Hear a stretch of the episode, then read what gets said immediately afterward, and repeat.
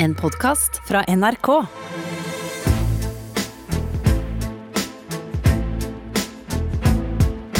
Trump mot verden med Gjermund Eriksen og Sean Henrik Matheson. The final battle. Ja. Nå er det seks dager igjen. Oh, oh, oh. Og nå slåss kampanjen, eh, begge kampanjer, som om det er deres siste og aller viktigste slag. Ja. Eh, og det tror jeg alle inn i de kampanjene tenker at det er det viktigste valget de er med på. Mm. Eh, det er en følelse jeg har òg, veldig mange av de vi har snakket med de siste månedene. Mm. Men jeg tenkte at vi kan eh, ta dette med det siste slaget. Mm. I Return of the King så er det en av de store Return of the King. Nå er vi over i Ringenes herre her. Vi er i Vesten. Vesten. Ja, det, det står om Vesten Ja. i Ringenes herre. Ah, Så det er en eh, positiv fortolkning av Vesten. Ja, okay. At At ja. det står om Vesten. Ja, ok. Uansett, der er det Gondor, eh, de som står for fred og anstendighet i Vesten, i Midgard. Ja, ja. De er angrepet av eh, den største orkhæren med Mumakil og de eh, folk sørfra som verden noensinne har sett. Og hesterytterkongen, som har vært langt nede og vært veldig skadd, han må bestemme seg om han skal komme og hjelpe de i slaget. Mm. Og han vil overholde de løftene, eh, føler han. Eh, men det er en overmakt som er stor. Og da, men, da kommer jo en rådgiver Ja, ja. bort til han, og Ja. hva er det han sier? Ja, jo, han sier Too few have come. We cannot defeat the armies of Mordor. Og så svarer hestekongen No, we cannot. But we will meet them in battle nonetheless. Og den type mot er den som finnes i krig. Eh, hvis vi kan ta inn over oss at innimellom så blir det krig. Og så er det noen ganger ikke likt på begge sider hvem som er best. Og i dette tilfellet så er Sauron på den andre siden, eh, og eh, hestekongen kommer til slaget. Og la oss da ta og høre den talen han holder. Når du ser utover Pelenos sletter av den største hæren av orker, Mumakil Det er da elefanter som er dobbelt så store som elefanter, og mye sterkere. Og så har du Fire horn! Minst Tenner, fire horn. tenner. Ja. Ja. Og så kommer hesterytterfolket, og han må motivere, og han må mobilisere, og han vet at they're gonna meet them in battle anyway, selv om de ikke kan vinne. Hør her. Arise! Arise, riders of Theoden! Spears shall be shaken! Shields shall be splintered! A sword day! A red day! And the sun rises!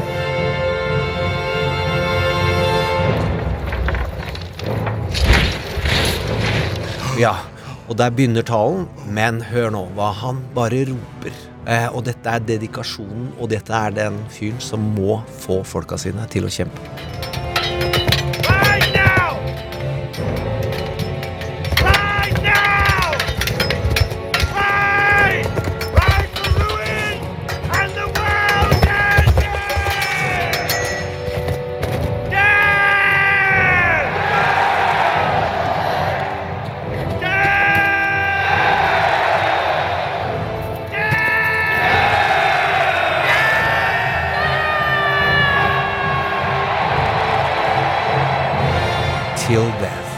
Og nakkehårene og alt av hår står rett opp her nå.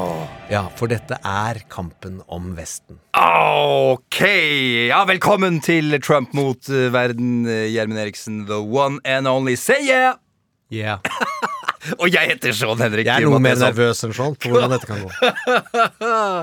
Og vi skriver eh, 28. oktober. Det er seks dager til valget. Seks dager til eh, valget. Nå er vi er nødt til å gi dere en liten oppdatering på hvordan det ligger an i, i vippestatene. Det er jo der slaget står. The battleground eh, state. Eh, States, hva sier 538 eh, om hvem de tror vinner presidentvalget i dag? Eh, Ja, Biden vinner 88 av 100 ganger. Det er nå liksom hovedoverskriften her. The Battleground States. Georgia, mest av alt bare for det er sjukt at vi snakker om det i det hele tatt. Biden vinner 51 av 100 ganger. Texas, artig å snakke om det også.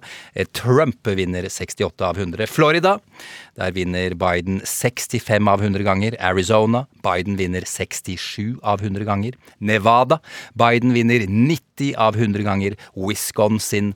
Biden vinner 89 av 100 ganger. Pennsylvania, som vi skal snakke om seinere i dag. Biden vinner 85 av 100 ganger. Ifølge 538. Ja, og da er det viktig å huske på 67 av 100 ganger. Det er to tredjedels sjanse. Ja. Det, eh, det er ikke en kamp du går inn med livet ditt hvis du ikke er villig til å ofre livet ditt. Med andre ord, det er god sjanse for å dø. Eh, og det var sånn det var forrige gang med 538. De sa at det var 70% sjanse for at Hillary vinner. Så skjedde den 30% gitt. Uh, skal vi komme oss tilbake til western? Og der vi vil ha inn uh, Barack Obama.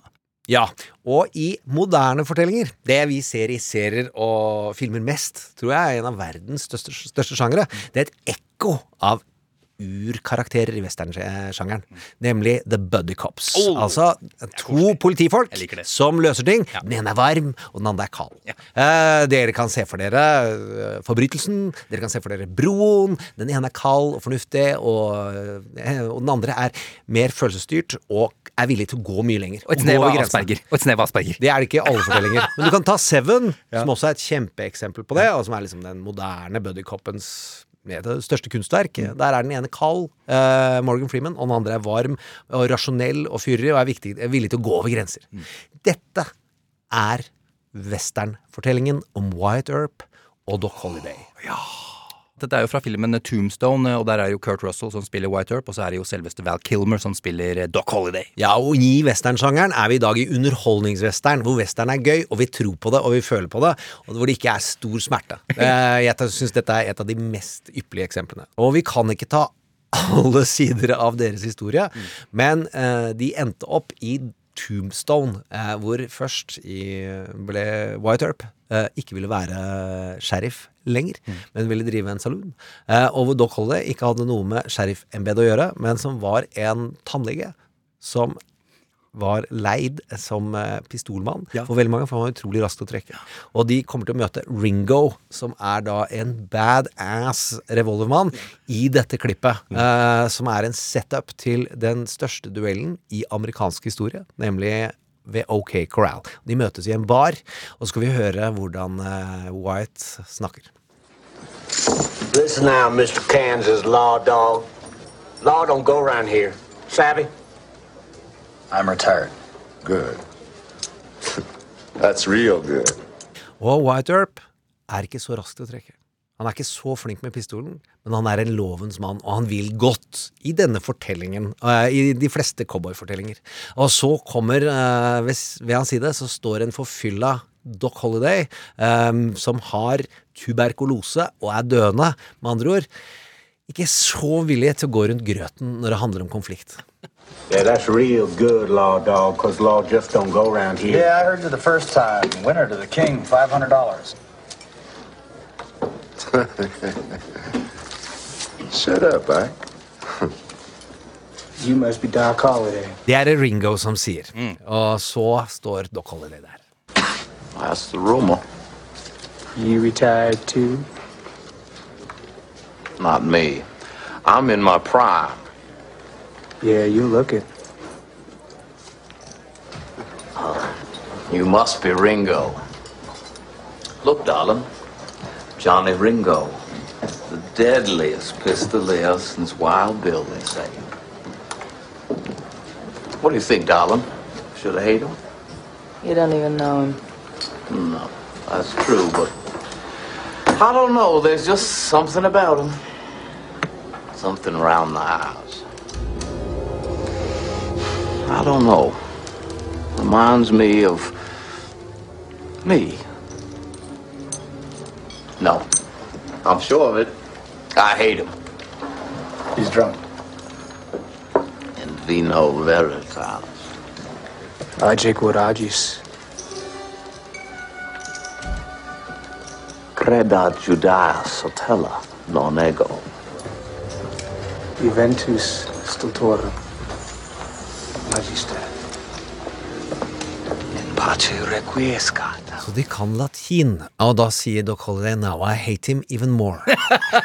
Lang historiekort, det er en veldig truende setup, og senere så kommer Ringo og truer Wyatt Earp på livet, og Wyatt har ikke pistol. Eh, brødrene hans står der, de er ikke så gode med gønnere de heller, eh, og Ringo roper noe truende, og da hører vi Doc Holiday bare komme ned fra siden. I'm your huckleberry. Ja, Vi kan ikke ta hele filmen, Hva betyr men det? I'm your huckleberry Ja. betyr 'jeg er villig til å dø og kjempe mot deg Åh, når som helst'. fantastisk. Till death betyr det. Till death! Uansett, der vi er i western nå, så er Joe Biden White Earp. Og Barack Obama, viser det seg, har gått i Doc Holiday-rollen. Fordi Michelle Obamas ord 'When they go low, we, go high'. Not Barack Obama no more. Han var i Florida, i Orlando i går. Og vi sa at han skøyt med hagle Ja, ja, forrige sending. Nå er han mye mer Doc Holiday. Altså, Nå er det i alle retninger. Eh, og han det ryktet om at Barack Obama alltid snakker positivt om folk, eh, det er tull. Det er like tull som store deler av westernmyten, som vi skal komme tilbake til. Og husk på Leslie Stahl, kvinnelig journalist i 60 Minutes, i et intervju Donald Trump går fra. Så eh, Donald Trump liker ikke kvinnelige journalister, blir ikke, liker ikke å bli minnet på at han ikke klarer å oppføre seg i nærheten av kvinnelige journalister. Men for hør her. Her går han eh, til angrep. You think he's gonna stand up to dictators? He thinks Leslie Stahl's a bully. Just yesterday, just yesterday, he said that Putin of Russia, Xi of China, and Kim Jong un of North Korea want him to win. We know.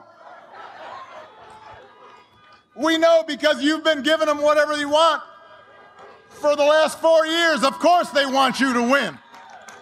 That's not a good thing. You shouldn't brag about the fact that some of our greatest adversaries think they'd be better off with you in office. Of course they do. What does that say about you? I mean, think about that. Why are you bragging about that? Come on.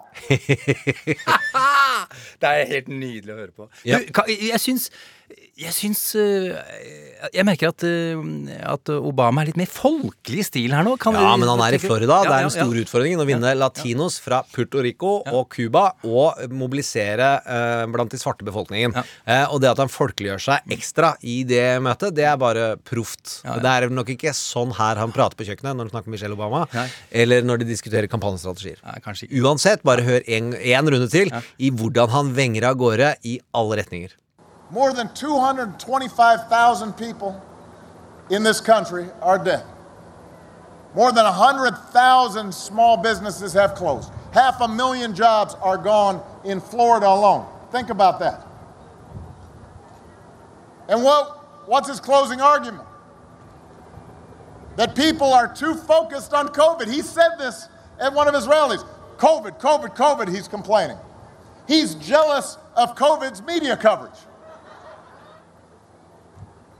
If he had been focused on COVID from the beginning, cases wouldn't be reaching new record highs across the country this week.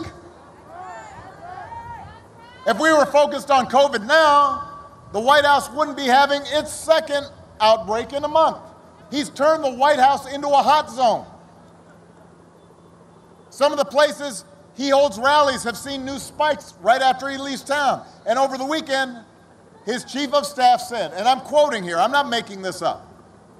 His chief of staff on a news program says, We're not going to control the pandemic. He just said this. Yes, he did. And yes, we noticed you're not going to control the pandemic. Listen, winter is coming. They're waving the white flag of surrender. Oh my god! Winter is coming! Winter is coming. Så han kan sine referanser, men hør hvordan han tyner pandemigreia. Skrur til med Winter is coming. Alle vet hvordan det der gikk. Det var ikke sju gode år. Eh, og eh, han kan sine seriereferanser, for det kan kidsa òg, folkens. Game of Thrones er en av verdens mest sette serier. Her er det å bygge bånd. Mm, bra jobba, Obama, nok en gang. Da er vi jo for så vidt i gang med de siste 24 timer og hva som har skjedd, Gjermund. Han var jo på mange måter inne i Ringenes herre, fordi Orlando er jo fornavnet til Orlando Bloom, som er er i spiller Legolas i Ringenes herre. Ja, ja. Vi er ikke bare dad joke, men ordspillhumor. Å, Vi går videre. Jeg tror vi gjør det nå. Um, litt artig, syns jeg, og, og dette er noe jeg ikke visste om uh, før eh, du fortalte meg dette i dag tidlig, Gjermund. eh, og det handler om hvem som faktisk erklærer vinnere av, av dette valget. Ja, det er en ny ting for meg også, å bli kjent med i denne valgkampen. Fordi du får lære deg hvor, Fordi alt er skrudd til på spissen, og alt kan tapes. Så går man igjennom de finere hjørnene av eh, amerikansk virkelighet og hvordan systemet egentlig fungerer. Det er medieorganisasjoner som erklærer vinnere, så det er ikke noe formelt. Det er ikke noe lovbindende. De gjør det basert på veldig seriøse faglige enheter inne i sine medieorganisasjoner, som bygger på projeksjoner. Det vil si at California, har jeg nå forstått, de bruker 17 dager på å telle stemmene sine. Eh, Det har de alle gjort i lang tid, for det bor utrolig mange mennesker der, og de har et veldig komplekst stemmesystem, for det varierer her og der. Men du kan forutse hvem som vinner, eh, ved å jobbe grundig statistisk. Og det er eh, blant annet AP, Associated Press. eh, jeg er usikker på hvor den egentlig hører hjemme, men det er cirka der. CNN. Eh, jeg tror Fox også har en enhet. Og de konkurrerer om å være de dyktigste fagfolka og aldri ta feil. Dette har ingenting med 538 å gjøre, eller meningsmålinger. Det er medieorganisasjonene som erklærer vinnere. Det er ikke bindende. Det er ikke bindende, for til slutt så er det en offisiell eh, Så Ja, blir det offisielt ja, fordi, og Ideen senat i og- grunnlovsfedrene var jo at all vel, valg skal skje lokalt, så det ikke kan bli korrumpert av konger eh, som eh, kan påvirke det føderale nivået. Derfor har det blitt sånn. Derfor er det sånn. En som ikke vet det, tar oss til sak tre. Å, fy søren, ja. Dette, er- og dette er alvorlig. Brett Kavanaugh, en av høyesterettsdommerne som, eh, som Donald Trump utnevnte for et par år siden. I like beer. I like beer, like beer. ja, nettopp. Vi husker han der. Eh, han kommer med en såkalt concurrence. Ja. fortell hva det er for noe, Gjermund. Concurrence er hvis du er en del av flertallet i Høyesterett som får viljen din. Og jeg mener det nå er i Wisconsin, og der har de erklært at eh, eh, stemmer som ikke er kommet inn på valgdagen, de teller ikke. Og da er det eh, Majority opinion blir skrevet av den som er den eldste, eventuelt den den eldste peker på. I flertallet skriver hva den mener. Concurrence er en som er enig i prinsippet, men har lyst til å skrive sin egen mening om det.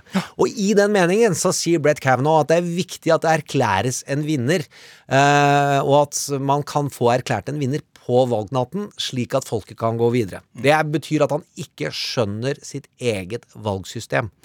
Og han eh, mener noe da som er veldig skrudd til eh, Florida hendelsesforløpet i år 2000, der s- Høyesterett bare hoppet inn og sa til slutt her må vi skjære igjennom. Eh, Bush har vunnet, slutt å telle. Eh, og det burde jo få det til å gå kaldt nedover ryggen på veldig mange av oss. For det han gjør nå, er jo i tilslutning til Donald Trumps sitt syn. Poststemmene som ikke har kommet inn, de skal vi ikke telle. Nei, Og det er i noen delstater så er det lov å ikke telle poststemmene. Det gjør vi ikke i Norge, lærte vi jo helt nylig i mandagens Ja. episode med Ja. Sofie Høgestøl. Hør på den, hør på den, hør på den. Uansett, Brett Kavanaugh skal jo kunne systemet, Mm. og skal ikke hoppe inn og gi Donald Trump rett i eh, et valg hvor det allerede er anlagt over 200 rettssaker, Mm. og det er tusenvis av advokater klare til å utfordre på tvers av alle delstater, for delstatene regulerer dette selv. Ja, ja, Det går vel an å spekulere litt på om ja, Dette er et slags frampeik på hvordan Høyesterett sannsynligvis vil jobbe dersom valget skulle havne der eh, til slutt. Ja, og der kan vi ta eh, en oppside ved siden av dette høyesterettsgodkjenningen av henne, og bare høre her hvordan Mitch McConnell omtaler eh, det at de har utnevna en høyesterett, men det ligger noen, hva skal vi si, fintfølende meninger der. Something to really be proud of and to feel good about. We made an important contribution to the future of this country. A lot of what we've done over the last four years will be undone sooner or later by the next election. They won't be able to do much about this for a long time to come. Much of this will be undone after this election. Det er et, det som kalles i, på videregående norskundervisningsnivå frampeik. Ja, det er også et frampeik. Det er helt riktig. Eh, Han Mitch har, tror ikke at han han vinner. har ikke trua i det hele tatt nå! Ja. Og det er en annen ting som vi da kan ta fram, som er veldig, veldig, veldig alvorlig.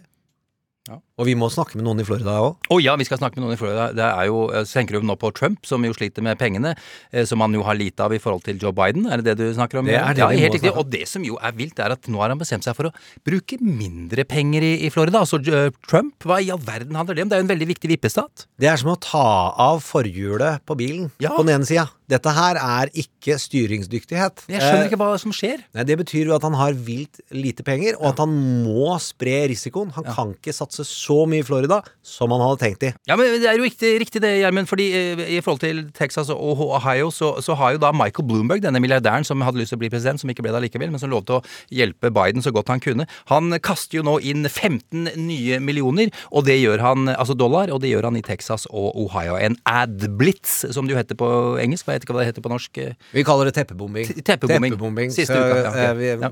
Reklame er full av krigsmetaforer. Ja, Beklager for det. Nei, det er, åpenbart. Det heter jo ad-blitz på engelsk også. Eh, 15 millioner, er det mye penger, Gjermund? Det er veldig mye penger i, på én uke. Det som eh, flere trekker fram av rådgiverne på Obama-siden og tidligere på den republikanske siden, er jo at det er skandale at det i det hele tatt er mulig å kjøpe reklame. Mm. For her skulle det vært utsolgt. Det skulle ikke vært mulig å investere TV-reklame i denne perioden, selv i de delstatene.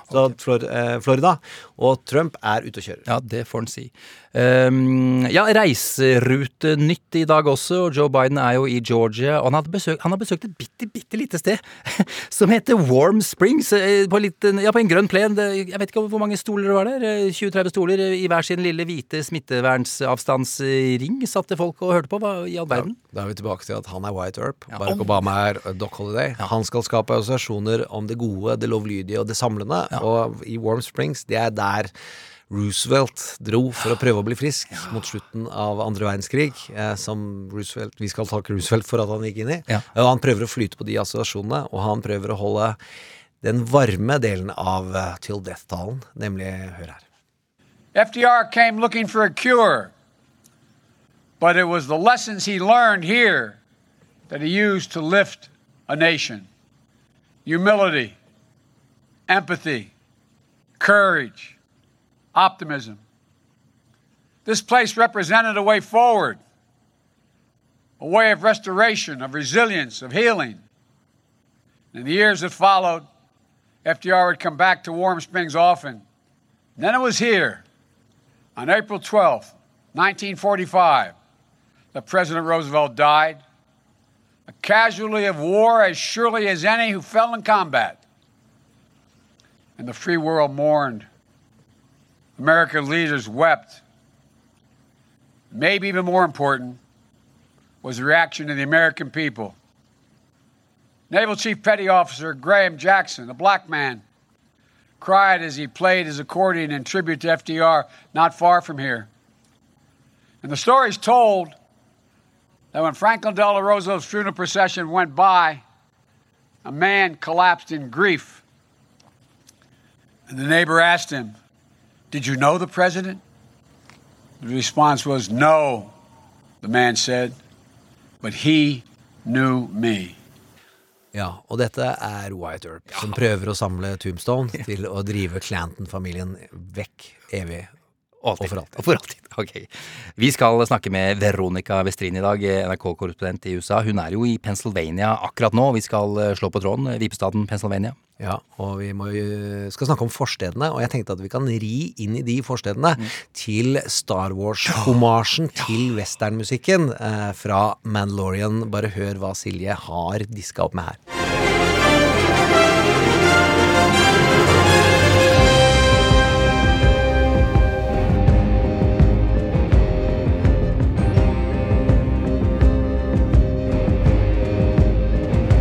Trump mot verden.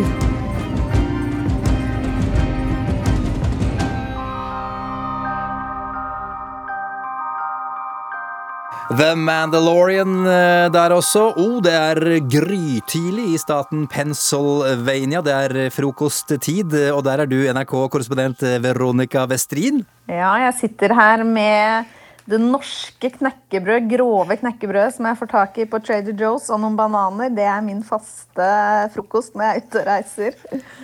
Spiser du ikke mindre sunt enn det? Det knekkebrødet er helt fantastisk. Jeg er så overlykkelig over at vi endelig får tak i det her i USA. Ja, bra. Pennsylvania, forresten, der du er også, det ligger øst i USA, rett under staten eh, New York. Rett til venstre for New York City, dersom du slår opp i atlaset ditt. Eh, Dette er jo eh, en av de to viktigste delstatene under eh, dette valget. Den andre mener vi er Florida. Den lar vi ligge akkurat nå. Eh, Men eh, Veronica, eh, Veronica hvorfor har Pennsylvania blitt så viktig? Ja, Pennsylvania ligger jo midt i det amerikanske rustbeltet. og Det var jo både ja, Pennsylvania, Michigan og Wisconsin egentlig som var med på å sikre Trump seieren i 2016. Og i Pennsylvania har det vært veldig jevnt. Den var jo en tradisjonell da, demokratisk stat i mange år før for fire år siden da, at eh, denne staten gikk til Trump. Så det er jo en utrolig spennende stat å følge med på nå framover. Og så har vi jo sett på meningsmålingene siste at Trump har tatt litt innpå, selv om Joe Biden har hatt eh, en god ledelse da, i alle disse statene de siste ukene nå eh, i innspurten av valget. Hvorfor kalles den en tipping point state? Er du god på å forklare det kort og fort? Ah, ja, det, er ikke, det er ikke en lett forklaring, men det er jo Nate Silver i 538 som er der jeg ofte bruker, som har et sånt gjennomsnitt av meningsmålingene som jeg stoler veldig på da når jeg rapporterer, eh, som har satt opp en sånn tabell hvor man da går fra Der gjelder jo alle disse valgmannsstemmene, når man rangerer de. Fra topp til bunn så er det da den som ligger helt i midten, kan man si det. Altså den første staten til å nå 270 valgmannsstemmer. Det er så den som avgjør valget. Eh, og det sies jo å være Pennsylvania i år, da. Ja, ja, Det er den første staten som kan vippe valgmannsstemmene til flertall. Så vidt jeg, så Da er vi helt enige om det. Og vi forresten, bare så du veit Veronica, vi er også veldig opptatt av 538. Vi anser de som å være veldig, veldig etterrettelige. Eh, Ja, Det er jo denne The Blue Wall som, eh, som jo raste sammen i 2016, som du snakker om, eh, Veronica. 18 delstater som demokratene har vunnet fra hver dag, fra hvert eneste valg fra 1992 til 2016. Da det altså rakna. Det var vel under 1% av velgerne som, altså, til som, som gjorde at eh, Trump vant i akkurat Pennsylvania. Hva kan det være greit å vite om denne staten for å forstå hvorfor demokratene tapte sist, og som gjør at det er vippestat denne runden her? Når jeg reiser rundt, jeg har brukt mye tid i Pennsylvania de siste ukene, eh, og prater med folk, så er jo folk veldig opptatt av arbeidsplasser. Det er så viktig for dem, for det er jo da eh, de hadde jo sin storhetstid her, mange under når kullindustrien blomstra. Jeg møtte en eh, fyr i går som jeg intervjua i Minersville, som det heter. Der jobba alle eh, i gruvene. Og han kunne fortelle at bestefaren jobba der, besteforeldrene til alle de andre som vi snakka med som var rundt, jobba der. Eh, Og så har de da sett at eh, samfunnet har blitt fattigere, folk har mista jobbene. Og mange steder så har de slitt med å finne nye arbeidsplasser og nye måter å blomstre på igjen. Da. Selv om man ser jo da i f.eks. byer som Pittsburgh, eh, som ligger litt lenger vest enn der jeg er nå, så har man jo klart å finne nye industrier. Der har jo Uber og masse high-tech-bedrifter flytta inn, og hvor de virkelig satser på ny teknologi og selvkjørende biler som kjører rundt i gatene. Så man får det til noen steder, men det er veldig mange steder som også sliter rundt omkring her i Pennsylvania. Så det bærer det veldig preg av. Ja. Men eh, en annen viktig battleground, eh, som er noe mer spredt rundt, er jo forstedene til de store byene i USA. Forstedene, sub suburbs, eh, hvordan er det de kan være med å avgjøre valget? Ja, for det var jo litt av det som skjedde under den storhetstida. Så var det mange som da flytta ut til forstedene. Eh, Og der, eh, det er jo der mange av disse forstedene, særlig rundt de store byene som Philadelphia og Pittsburgh, som, som kan være med å avgjøre. Hvor det også er veldig jevnt, som 50-50 Trump-Biden. Eh, Og jeg har vært i noen av de Beaver County et sted jeg kjørte innom eh, i går her, der var det 70% som stemte på Trump. Men i disse 50-50 så har jeg prata med mange. Og, og, og det de sier, de som bor der, det er at eh, ja, nok en gang, arbeidsplasser, superviktig. Men så er det mange som er usikre. De er usikre på om eh, det Trump sier er sant. De sier at nå, nå trenger vi å få vite sannheten. Og det er da kanskje spesielt eh, mange kvinner som har sagt det, som er usikre, som alltid har stemt republikansk, men som nå vurderer å gå til Biden. Men jeg tror jo også at Biden kan ha skremt eh, mange velgere med dette utspillet sitt som han hadde i den siste presidentdebatten om å eh, ønske å fase ut eh, olja. Det, det klinger ikke godt i mange, mange sører her. Ja, var, det, var det til eh, tj- 2030? 25. var det det? Ja, men han var, det var en forsnakkelse. Det han hadde tenkt å si, er fase ut subsidieringa til oljeindustrien, som han var trent opp til, og så drev han med en forsnakkelse. Jeg mener ikke å forsvare men dette er eh, give, makes sense, fordi ja. ja, det har gitt ham problemer i Texas og Pennsylvania. Men Veronica, er det, er det noe forskjell på folk som bor i forstedene og de som bor i store byer eller ute på landet? Ja, jeg er jo en bygdas jente sjøl, selv, selv om mange vil si at Kragerø jeg kommer fra er en by. Men eh, jeg vil jo si det. Jeg valgte sjøl å flytte ut av byen og hjem til Kragerø. Eh, For å leve det gode liv. Mange i Det er jo en forskjell på bygda i at det, det er jo ikke den samme type arbeidsplasser. Så du har jo mm, ofte folk med eh, mindre utdannelse som bor der. Eh, Mange som jeg ser særlig her, hvor det ikke har kommet nye arbeidsplasser til, så er det jo da også det at du har alle de som ble igjen og ikke dro ut. Men så har du ikke noen som har kommet tilbake. Så du ser jo mange av disse forstedene som er i ferd med å dø ut. Men samtidig så er det jo mer velstående forsteder. ikke sant? De er jo veldig forskjellige. eh, så, som, hvor folk pendler inn til storbyene og, og har gode jobber og, og lever det gode liv litt mer sånn rolig enn midt inne i storbyen. Og så ser vi også på amerikanske storbyer i dag at de preges også av mye fattigdom, så storbyen i USA er jo veldig delt. Ja. Forrige valg, 2016, så er jo særlig én velgergruppe som uh, røska litt i hjerte, hjertene på en god del kvinner og feminister rundt omkring i verden. Nemlig at hvite kvinner med utdannelse i stort flertall stemte på Trump. Der virker det som han sliter. Eh, og at han også nå har mista hvite kvinner mm, uten utdannelse. Altså Trump, ikke sant? Ja, Trump. Ja, ja, At han sliter med den velgergruppa, som ved siden av det å være hvit uten collegeutdannelse, er hans base. Hvilke budskap er det som har virket for å dra dem til Biden, og hvilken, hva er det Donald Trump gjør for å prøve å beholde dem? Donald Trump har jo ført en retorikk hvor han har eh, sagt at det står om sikkerheten til de som bor i forstedene, og har lagt veldig mye vekt på alt opprøret som har vært i sommer knytta til Black Lives Matter f.eks. Og sagt at eh, nærmest skremt ved å si at, forsted, at man ikke er trygge, og at han vil på en måte sørge for eh, bra politi, og at alle disse skal være trygge. Mens så ser vi jo da Biden som frir til disse velgerne ved å snakke om korona mye, som mange er opptatt av, og sannhet, ikke minst. At, at det er han som gir dem sannheten, og, og, og at eh, det er ikke så farlig som det Trump skal ha det til når han skremmer og sier at sikkerheten deres eh, står på spill. Eh, og dette handler vel om boligpolitikk også. altså Biden sier at vi må få inn eh, folk av alle farger inn i, i, i the suburbs. eh, Og, og da prøver Trump å skremme ved å si at ja, men da kommer det masse folk som er gangstere, og så blir det utrygt. ikke sant? Det, det, er det er det vi snakker om, ikke sant, Veronica? Ja, det er interessant, for der har det jo vært undersøkelser som har vist at de som er bosatt i forstedene, de frykter ikke det så veldig slik eh, Trump eh, kanskje tror. Men eh, det vil jo kanskje valgresultatet vise, da, om man har lykkes i å, å mobilisere noen velgere der. Kanskje Trump prosjiserte litt, at han tenkte hvis jeg hadde bodd i forstedene, så ville jeg vært bekymra for at det kom svarte dit også, for de bor jo i New York. Eh, Veronica, eh, sånn avslutningsvis her i forhold til kvinner. Eh, Vi hadde Hadia Tajik på besøk eh, i går og snakka litt om hvordan kvinner behandles i, i politikken, og for så vidt eh, generelt også. Hva er ditt inntrykk av eh, hvordan kvinner i, toppolitikken i USA eh, ja, behandles? Nei, altså, er jo, problemet er jo at det er jo ikke mange kvinner i toppolitikken i USA. Altså, I 2018, så, under mellomvalget, så ble rekordmange kvinner valgt inn. Og da nærmer det seg vel en firedel kvinner. Så, og det er noe som preger hele det amerikanske samfunnet.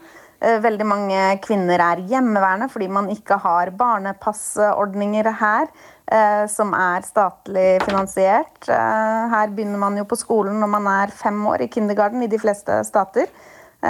Så det er jo ikke lagt til rette for at kvinner kan være verken i arbeidslivet eller i politikken, men nå har man jo begynt litt. da. Ivanka Trump med sin far sørga jo for at alle føderalt ansatte for eksempel, fikk eh, tre måneders foreldrepermisjon når de får barn.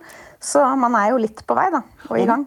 Og med den gode nyheten fra ja. eh, Trump-verden Ja, ja. som gave til de amerikanske kvinner, tusen takk for at du var med oss. Og så syns jeg du må unne deg noe annet enn knekkebrød. Ja, Ellers så må vi sende over noen som spiser de usunne, gode tinga. Tusen takk, Veronica! Takk.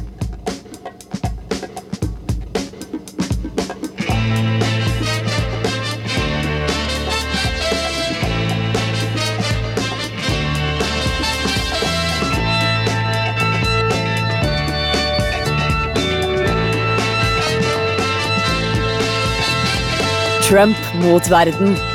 Med Gjermund Eriksen og Sean Henrik Matheson. Fra Pennsylvania skal vi til eh, Florida, The Sunshine State, Gjermund. Ja, men enda viktigere, det er et av de stedene hvor Buddycop-fortellinga kommer inn i Norge med basuner første gangen. Nemlig eh, Miami Vice. Og der er kompisen min, som er fotograf for VG, og min førsteleser. Han leser alle manus eh, første gangen. Ja, så kult. Spør han hvordan det går. Men han er kompis, og så har- jobber han jo i VG. Så er han der på vegne av VG. Og vi skulle jo være i USA, vi, du og jeg, er sånn, Vi dekka det. valget. Ja, ja. Han ringte meg og sa 'jeg får dra'. Ja.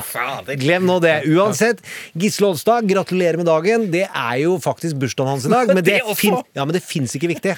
Det er mye viktigere at du har vært to meter fra Barack Obama. Hvorfor var du det, og hvordan var auraen rundt han?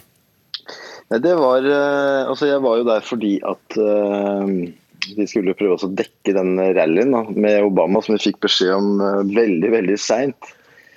Så de brukte halve dagen på å prøve å finne ut hvor det var. Vi eh, prøver jo å holde tilbake opplysninger så mye som mulig, sånn at det ikke skal bli for mye folk. De skulle bare ha inn 200 biler eller noe sånt på den rallyen. Så, men jeg rakk det, og kom, eh, klarte å tuske meg inn der ved å gå litt sånn bak eh, og sånt. Plutselig så står jeg jo rett foran eh, scenen, da. Der hvor eh, Obama kommer. Han er jo han er ganske kul, da, må jeg si. Han kommer liksom eh, litt, Har litt sånn swagger når han går. og Han har den der auraen som du, som du kjenner da, med Obama. Men du vet åssen det er når du, når du har sittet og hørt på da retorikken nå som har vært med Trump, som, eh, hvor, hvor alt stort sett handler om å liksom eh, hamre løs på motstanderen og, og sånt, så var det ganske deilig da, å høre liksom, stemmen hans og at han klarer å snakke fem-ti setninger på rad uten å liksom eh, gå i alle mulige retninger og sånt. Så det var, det var ganske kult. Han har bra grep altså, om folk, det vil jeg si. Ja, men det, men det, det akkurat, Da har jeg lyst til å spørre deg litt eh, nå, eh, Gisle. Altså, eh, hvordan er stemningen der borte, vil du si? Altså, basert på det du har sett og observert den siste uka.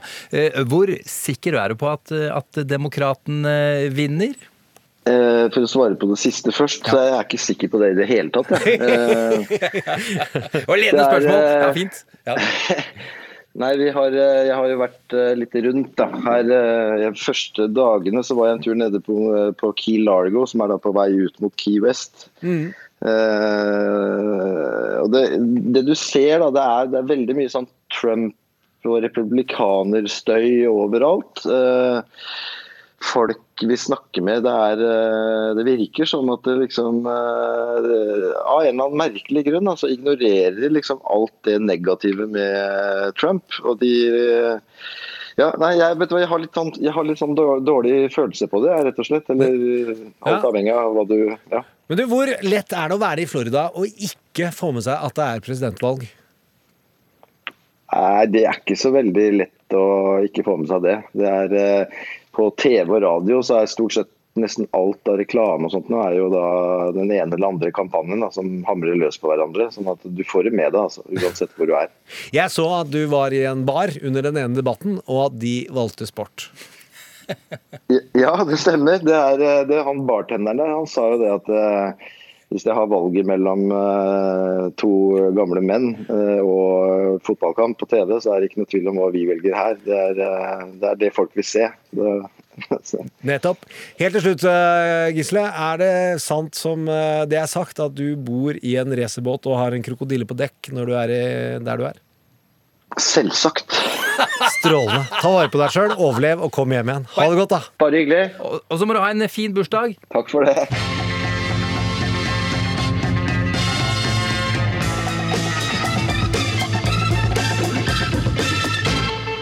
Trump mot verden. Med Gjermund Eriksen og Sean Henrik Matheson.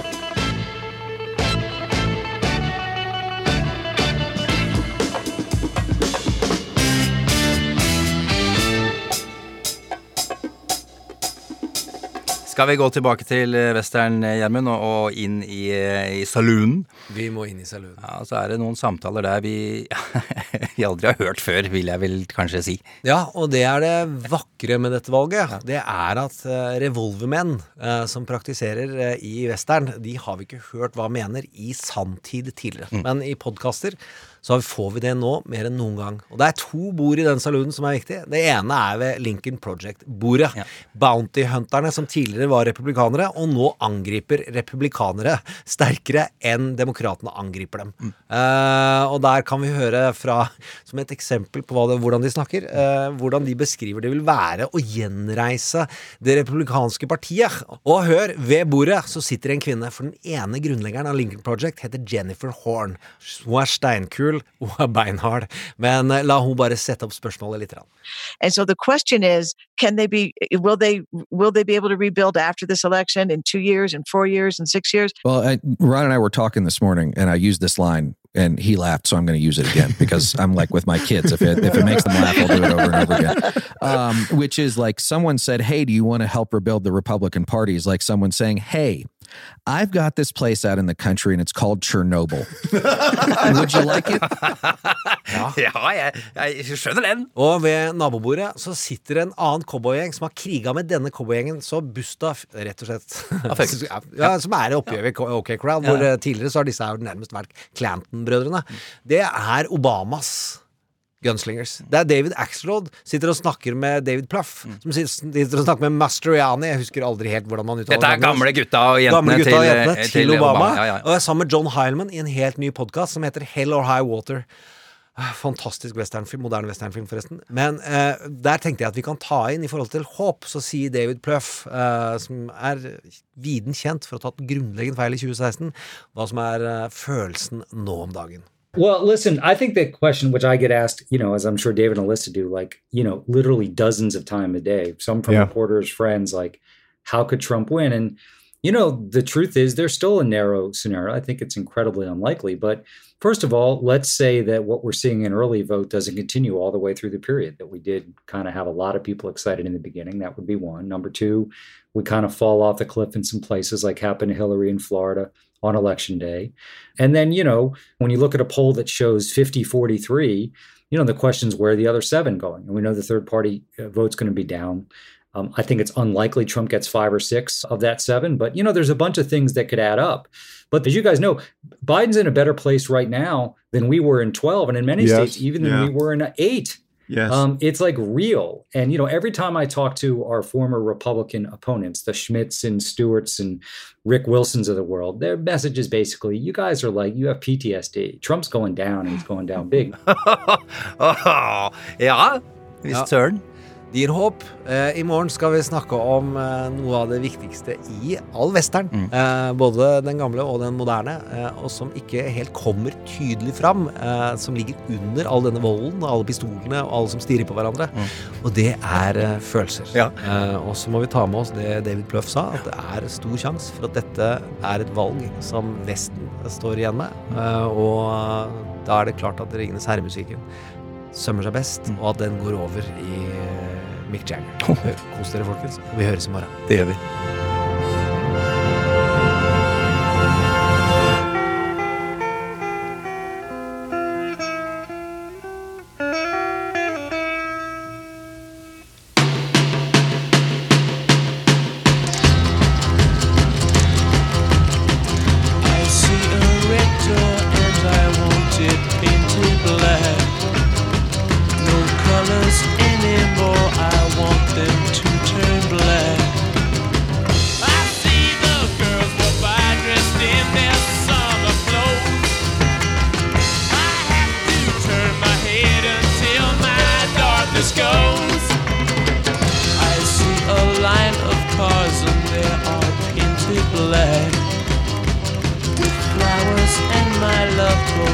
other two.